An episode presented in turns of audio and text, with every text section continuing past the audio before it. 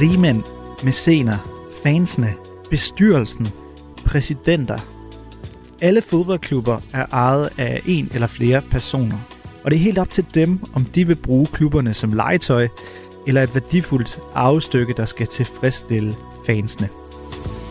Klubejerne er i lang tid gået under radaren, men de seneste år er der kommet mere opmærksomhed på, hvem der lægger pengene og bestemmer musikken i de fodboldklubber, der betyder så utrolig meget for så utrolig mange mennesker. Hvem der står bag succesen, når en klub vinder trofæer, og hvem der har ansvaret, når det hele kører af sporet. Mit navn er Niklas Stein, og jeg har sat mig for at undersøge, hvem der ejer de største fodboldklubber i Europa, og hvordan de egentlig styrer klubberne. Og allervigtigst, hvad fansene synes om dem. Så kom med mig på en tur rundt til de største klubber og deres ejerskaber, så vi sammen kan lære, hvad klubberne kommer af og er blevet til, og hvor de skal hen i fremtiden. Du lytter til Radio 4, og det her er fodboldens pengemænd.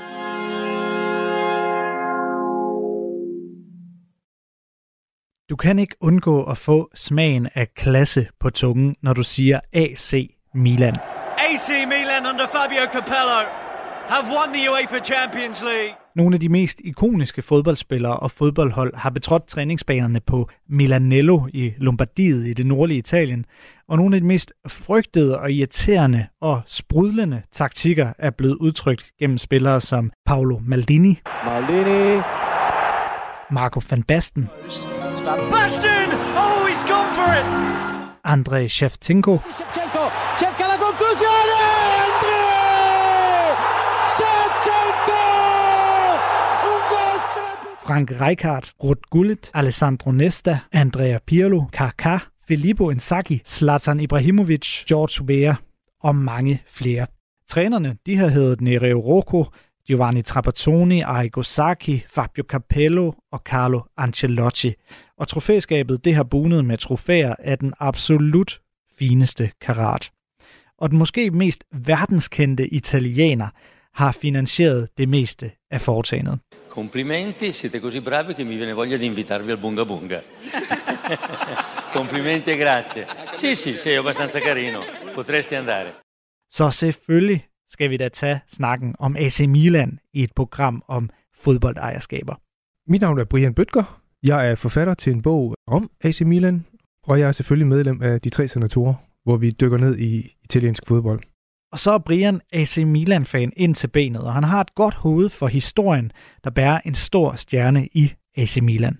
For det kan godt være, at Silvio Berlusconis tid i spidsen for AC Milan løber med opmærksomheden hos de fleste, og tro mig, ham skal vi nok vende tilbage til lige om lidt.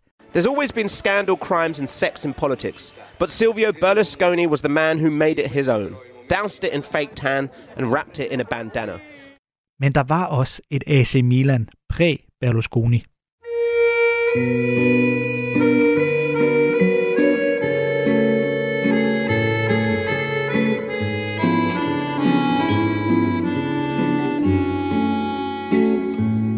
AC Milan, de startede egentlig som øh, Milan Cricket and Football Club. De øh, er jo startet af englænder, som øh, var i Milano, og den, der tog udgangspunkt, eller ligesom tog initiativ til det, det var øh, Herbert Kilpin, som også omtales som AC Milans godfather. Og han, øh, han flyttede til Milano, og der søgte han efter ligesindede, der kunne spille fodbold. Og han fandt dem på Hotel du Nord. Og der øh, den 16. december 1899, der stiftede de så øh, Milan Football and Cricket Club. Og den første præsident, for det bliver man i Italien, man bliver ikke chairman der, man bliver præsident, det var en, øh, en Alfred Edwards, som var britisk konsul der. Så de starter med en britisk arv og er organiseret som en britisk klub på det tidspunkt. AC Milan havde kun eksisteret i to år, da de registrerede sig for klubbens første italienske mesterskab i 1901.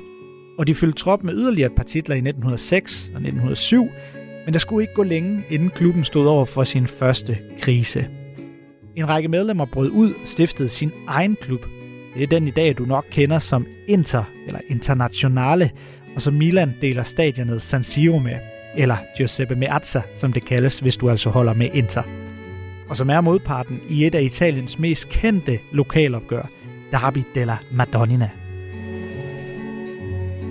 Efter udbruddet og stiftelsen af byrivalerne, der skulle AC Milan bruge en rumtid på at komme på fod. Klubben blev overtaget af Pirelli-familien, der lægger navn til et kendt dækfirma, og de vandt først det næste italienske mesterskab mere end 40 år senere i 1951. I mellemtiden var klubben blevet overtaget af en driftig forretningsmand fra uld- og bomuldsindustrien, Umberto Trapattoni, ikke at forveksle med den senere mestertræner Giovanni Trapattoni. Og han omlagde alt fra forretning til spilfilosofi, så der nu skulle være mere fokus på en fasttømret organisation nede på græsset. Det blev en succes, og skulle i midten af 50'erne fortsætte under en ny familie, Rizzoli-familien, der havde tjent sin formue i forlagsbranchen. Det blev også en succes, og under det ejerskab, der vandt AC Milan for første gang det, vi i dag kender som Champions League.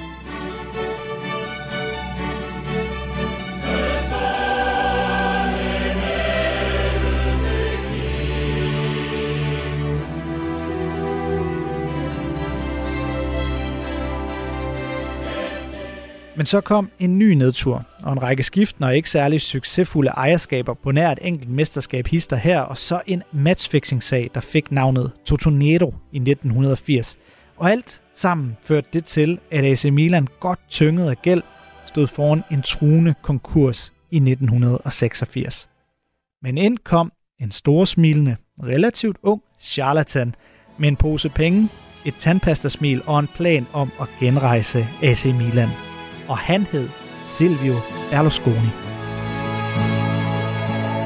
C'è un grande sogno che vive in noi, siamo la gente della libertà. Presidente, siamo con te, meno male che Silvio c'è.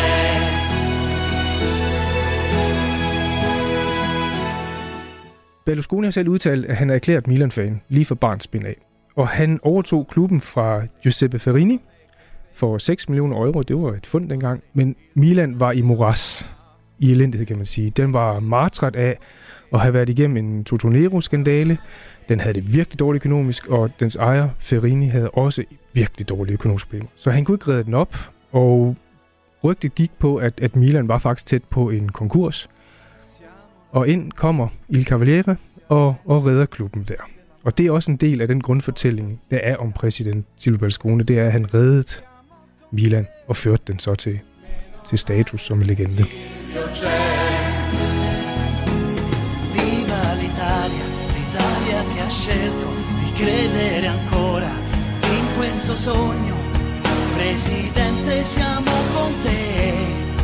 Meno male che Silvio c'è. Presidente, siamo con te.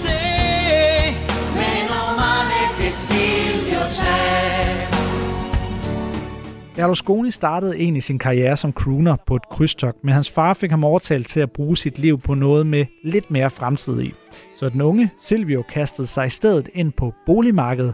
Han skabte en helt ny bydel i Milano, kaldet Milano Due, og byggede siden på med det, der for alvor skulle blive hans forretningsmæssige eftermæle.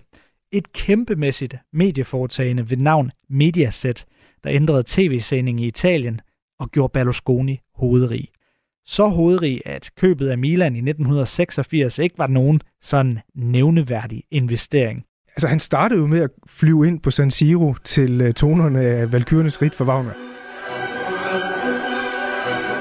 Altså den der da da da da da.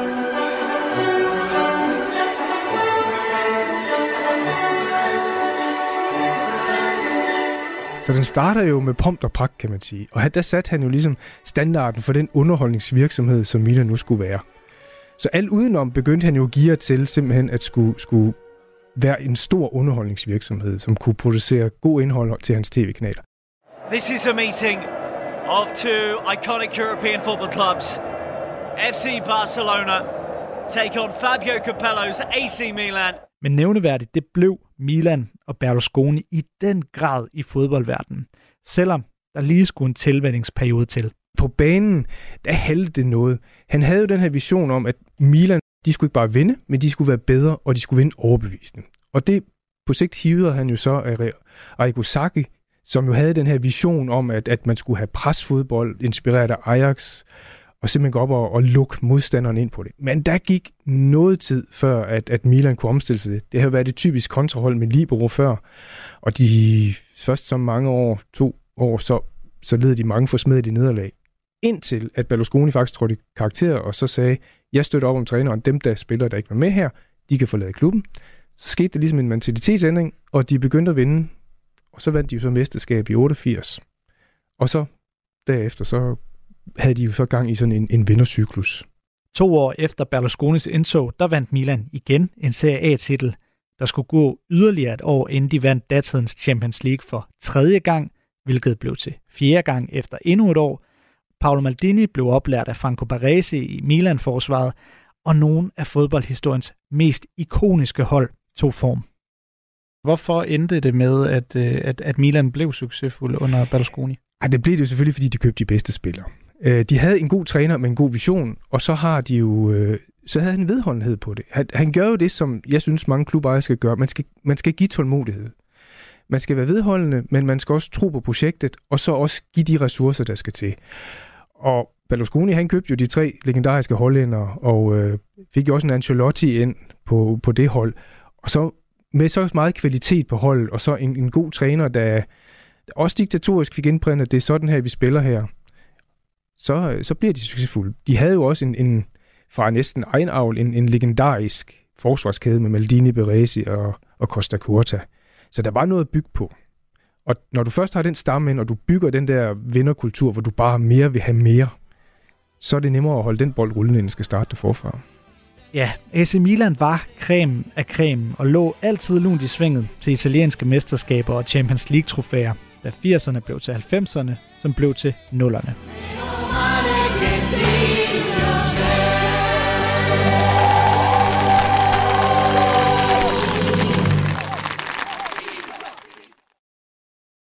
Men så begyndte det at gå galt. Men det sluttede jo ikke enormt øh, mindeværdigt. Den sidste håndfuld år under Berlusconi-ejerskab er jo ikke nogen særlig succesfuld Milan-tid. Så hvordan endte Berlusconi-ejerskabet? Altså, det startede jo sådan set i 2011. For første gang, hvad jeg kan huske, så må Milan sælge spillere deres stjerner for at få økonomien hængt sammen. Og inden der var der jo sket FFP. Financial Fair Play satte jo en gevaldig kæp i hjulet på den måde, som italienske hold kørte det på. Og det var jo en ejer, som stort set bare gik ind og dækkede underskuddene for klubberne, som jo kunne bruge næsten uendeligt, han har sagt på det, men fordi de havde en ejer, der dækkede det af. Det blev stoppet der. Og det gjorde så lige pludselig, at, at Milan skulle, hvis de blev med i de europæiske turneringer, skulle få orden i økonomien, og der solgte de så Ibrahimovic og øh, Thiago Silva. Og det kom de aldrig rigtig fra. Altså, Berlusconi kunne, fik aldrig rigtig omstillet Milan til at være en, en, en selvbærende klub rent økonomisk. Så den lå sådan lidt og, og haltede, og de købte spillere på, på øh, kontrakter, der udløb, eller i slutningen af det, som havde deres gode tid bag sig, vil jeg sige.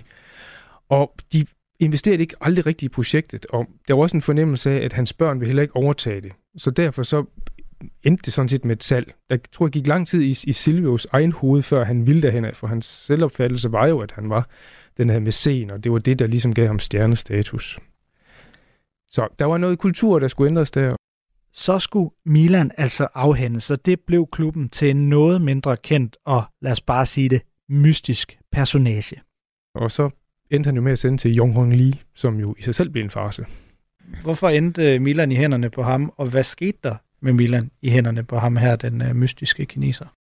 Det er et rigtig godt spørgsmål, og jeg vil rigtig gerne kunne give en uddybende svar på det. Altså, Jong Hong Lee, han er man of mystery for mig også. Han er en kineser, som efter sine skulle være blevet rig på miner, og jeg mener, at det var metalminer på det. Han, han køber Milan i en tid, hvor, hvor øh, mange kinesere gerne vil ud og købe. De skal ud og have fodbold-know-how, og vil gerne ved det, vil opkøbe fodboldklubber. Italienske klubber var billige på det tidspunkt, så, så derfor så faldt det der. Hvorfor i alverden de solgte til ham, det, det ved jeg faktisk ikke, fordi det var ikke sådan indtryk af, at der var en udbudsrunde på det, men, men han købte den. Og i det køb, der låner han jo så penge af Elliot Group, cirka 350 millioner, mener det hvor øh, konsekvensen for det er, at han skal betale det første afdrag året efter. Hvis han ikke kan det, så kan Elliot Group overtage hele Milan som sådan. Og den kære Junger lige kan ikke betale, for han har ingen cash. Han er ude på alle mulige steder og får låne penge. Og så overtager Elliot Group, som jo egentlig bare er en ekstrem vulture fund, AC Milan, og de aner ikke, hvad de skal gøre ved den. Undergrund, for de har ikke sådan noget i porteføljen, og det har de heller ikke tænkt på. Så og han forsvandt lige så hurtigt, som han kom, Jung Hong Lee, og han mener, at han blev smidt ud og har truet med retssag, men man har ikke set noget. For Sam Milan.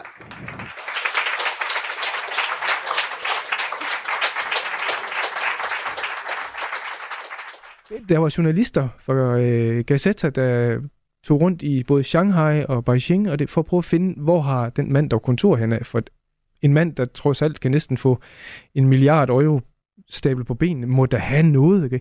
Man har ikke kunne finde ham. Man har ikke kunne opstøve ham. Så han er et man of mystery, og jeg tror, at det er sådan, måske får vi det opklaret på et tidspunkt, men, men jeg tror, at det bliver sådan et eller andet, hvad fanden skete der der? Og så endte det jo så med kapitalfonden Elliot, og senere en anden kapitalfond, det her Redbird Capital, og, og ham her øh, Gary Cardinale, som vi vender tilbage til. Men hvordan, øh, hvordan endte det med, at de blev Milans ejer? Altså Redbird er jo en investeringsfond, der investerer i sports- og underholdningsvirksomhed. Elliot havde jo meldt ud, at de gerne vil sælge. De har så været i dialog med nogen. De har også været i dialog med nogle fonde fra Mellemøsten. Men valget faldt så på, på Redbird, og blandt andet fordi, der er Elliot stadigvæk en, en aktionærgruppe i det. Jeg tror, de valgte på den måde, fordi de bedst kan udvikle AC Milan i den retning, de er i nu. Og det vil sige, som en underholdningsvirksomhed, der nu siger det ikke kun fodbold, men det vil sige, at du går ind i mode, du går ind i musik, du går ind i øh, den digitale verden, metaverse også, hvor du breder sig over langt flere platforme end, end kun fodboldvirksomheden. Så det skal være et, et, et kæmpe brand, for at bruge sådan lidt øh, fortærsket udtryk, hvor du simpelthen kan indhente øh, indtægter for mange forskellige ting. Også hvor du crossbrander. Øh, noget af det, som Cardinale og Redbird har faciliteret, det er jo en eller anden samarbejde med New York Yankees, hvor Milan grej sælges derover og det promoveres derover og på samme tid i Milano, der sælges det så New York Yankees grej dernede. Så det er simpelthen spredt alle kanalerne ud, hvor man kan sælge på det. Det er jo så ham her, Gary Cardinale, direktøren i, øh, eller stifteren af Redbird, så vidt jeg ved, mm. som, øh, som selvfølgelig bliver det nuværende øh, billede, person, kontrafej på en Milan-ejer. Hvem er han? Jamen, han er jo en, en finansmand, og jeg mener, det var Goldman Sachs, han var i før, som jo stiftede sin, sin egen fond her med henblik på at få en portefølje af sådan nogle underholdningsvirksomheder øh, eller understøttende underholdningsvirksomheder, fodbold eller andre sportsgrene, for simpelthen at generere, altså der er jo, øh, der er jo pensionsmidler, øh, jeg mener det er Los Angeles øh, brandvæsen, der har pensionsmidler i det, som han simpelthen bare skal gerne overskud til, ligesom vi andre har PFA eller hvad det hedder så er han en, en type, der gør det bare inden for underholdningsindustrien. Han er, han er en dygtig sælger, vil jeg sige. Han forstår at sige det rigtige på de rigtige tidspunkter, om det er så til fans, eller det er til investorer eller journalister. Han er jo en øh, god amerikansk businessman på den måde der. Om han mener det, det kan man nogle gange godt have lidt svært ved, eller det er bare er business talk. Men han forstår i hvert fald at tale det sprog, der skal til. It's incredibly inspiring. What an honor and a privilege it is to be welcome to the Milan family. Han er tydeligvis dygtig. Han, øh, han kan begå sig inden for den finansverden der, og han har ikke et problem med at skaffe finansiering, så han har også øh, kanalerne de rigtige steder. Hvad vil Redbird med AC Milan? Det korte svar, tjene penge. Lige ud af landevejen. Men det gode som fan, det er så at sige, det vil han ved at udvikle klubben. Fordi at Cardinale Redbird ved godt, at skal de tjene penge, og de skal øge den værdi, som Milan har, altså det, han købte den for 1,2 milliard euro, cirka 8,9 øh, milliarder kroner, den vil han jo gerne øh, øge den værdi, for han sælger den på et tidspunkt. Det er jeg sikker på. Men for han kan det, så skal han jo selvfølgelig lave nyt stadion, det er bedre faciliteter for, for, for fans. Han skal selvfølgelig give nogle resultater på banen. Champions League-penge koster godt. Og så skal han selvfølgelig have, have mere omsætning af tøj, brands, alt mulige øh, sideprodukter, der er på det. Så han vil jo udvikle den her klub i en positiv retning, så den giver overskud først og fremmest, og det gør så også, at den bliver robust, men også så han kan tilbyde mere til, til fans og sponsorer det ikke. jeg vil inde på det der med, at han sagde de rigtige ting i de rigtige for. Han var jo inde, da han blev interviewet, og spørge, hvad hans rolle skal være som præsident. Og der nævnte han, at han er jo kun en tjener for fansene. And I feel a tremendous responsibility to continue that going forward. Skal man jo så lige tænke det over. op. Det er jo klart, fansen er hans kunder, men, men den tror jeg ikke, man har hørt før i, i Italien, og den tror jeg egentlig gik godt nok ud, at en præsident alligevel havde lidt ydmyghed. For normalt så er en præsident jo patronen og den, der ligesom skal være udødelig her, ikke? Men han er der for at tjene penge, og han ved godt, hvordan man tjener penge. Det skal jo lige siges, der er jo i, i Milans øh, aktieportefølje 0,07, så er, det, der er der en forening, der hedder APA Milan, som er småaktionærer, hvor fans skal købe ind i det. Øh, der er venteliste på det. Jeg har selv på venteliste, men jeg har fået at det tager nok 25 år eller et eller andet, fordi de simpelthen ikke vil udvide den portefølje på det. Hvordan er øh, deres Redbirds og øh, Jerry Cardinales første år som Milan er blevet taget imod af, af fansene? Det er blevet taget godt imod, øh, lidt afventende, fordi man skulle lige høre, hvad det var for en transition, man var i gang med her. Men når man sådan hører på, hvad planer han har, altså nyt stadionområde, og vi skal stadigvæk gå videre i, i Champions League, det han ikke siger, som, som mange Milan-fans gerne det er, at vi skal vinde mesterskaber. De siger jo stort set kun, at vi skal være med i top 4, vi skal altid være med i Champions League. Og jeg har hørt nogen sige, at det bliver bare et nyt Arsenal. -agtigt. No offense mod Arsenal eller noget der, ikke? Men, men sådan et hold, der altid klarer sig godt, men aldrig kommer helt derop. Men de lever jo også godt, fordi de, de kom jo ind, hvor der var på den der ryg af medvind ved, at man lige havde vundet mesterskabet, og, og sidste, eller hvad det jo i, i foråret, der kom man jo i UCL semifinalen der, ikke? Så, så der er noget momentum, der kører. Og i Italien, jamen der, der er det jo resultaterne, der tæller, så, så de er blevet taget godt imod. At de så fyrede Maldini her lige før sommerferien, der var der en del, der løftede øjenbrynen over. Jeg tror, man afventer lidt i 23, 24 sæsonen og ser, hvordan går det. Kommer de med i top 2? Kommer de i, i Serie A, og kommer de med videre til Champions League, så tror man siger, okay, det er jo en beslutning, man må tage. Men, men halter det der, så tror jeg hurtigt, en stemning kan vende sig til at sige, ved han egentlig, hvad han har med at gøre? Kender han fodboldklub? Kender han Italien? Og der, der kan være andre, andre gode spørgsmål, der stiller der. Hvad tyder det her egentlig på? Altså, hvad tror du, vi får at se uh, Milan under, under Redbird ejerskab i 5, 10, 15 år? Hvor lang tid bliver de ved? Jeg tror, det kommer an på, hvor hurtigt de kan bygge et stadion. Og det stadionkompleks. Og med de planer, de har lagt frem nu, så øh, ser det ud som om, der kan komme et stadion op og køre omkring 27-28, og så et kompleks i sådan, Donato kan udvikle sig og give nogle indtægter der. Når de er det på plads, og man ser regnskabet år to eller derfra, som jo nok vil bune på et eller andet sted, og de samtidig også har et godt sportsresultat, så tror jeg, det vil være et rigtig godt vindue at sælge klubben på. Så, så hvad snakker vi om? 4-5 år herfra, og så tror jeg, at Milans øh, værdi kan være fordoblet på den tid der. Det kunne være et godt mulighed for at, at sælge videre.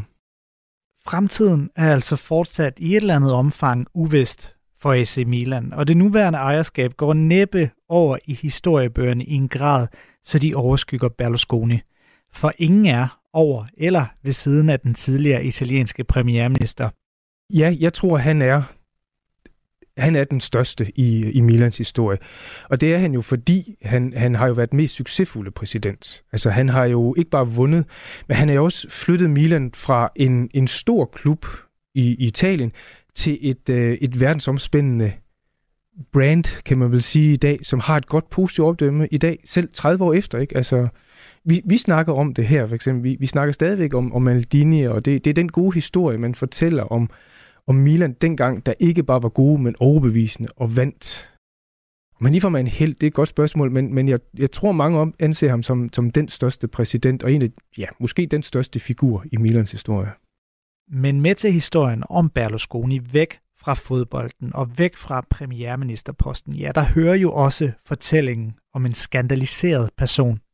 Der var Unga Bunga-orgierne, der var dommen for skattesnyd og omgangen med en mindreårig prostitueret.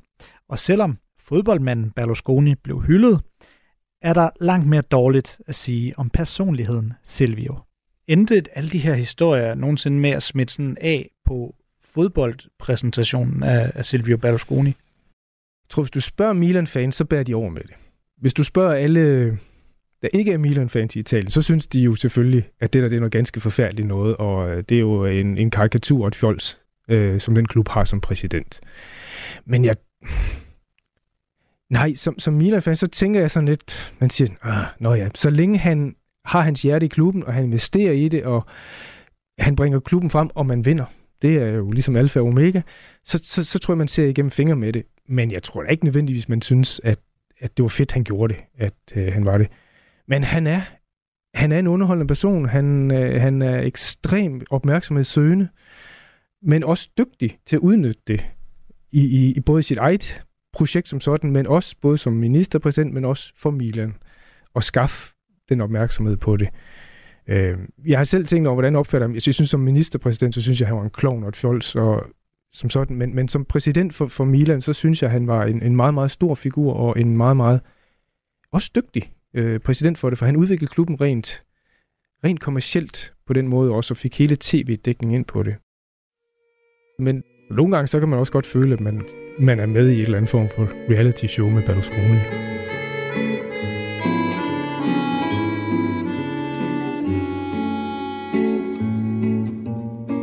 Du har lyttet til Fodboldens Pengemænd på Radio 4. Programmet er lavet og tilrettelagt af mig, Niklas Dein. Hvis du vil i kontakt med mig, så kan du finde mig på diverse sociale medier, eller du kan skrive mig en mail på nick-radio4.dk nick-radio4.dk Dagens gæst var Brian Bøtger, redaktør af Rasmus Dalgaard. Der var i afsnittet brugt lyd fra Channel 4, Vice News, The Telegraph, UEFA, Il Sole 24 Ore og fra AC Milans YouTube-profil. Hvis du vil lytte til de kommende afsnit af programmet, hvor jeg dykker ned i andre europæiske fodboldklubber og deres ejerskaber, så kan du finde fodboldens pengemænd på diverse podcasttjenester eller i Radio 4's app. Du kan også abonnere på programmet, så er du sikker på ikke at misse et nyt afsnit. Du må meget gerne anmelde programmet og give det nogle stjerner, hvis du kan lide det. Tak, fordi du lyttede med.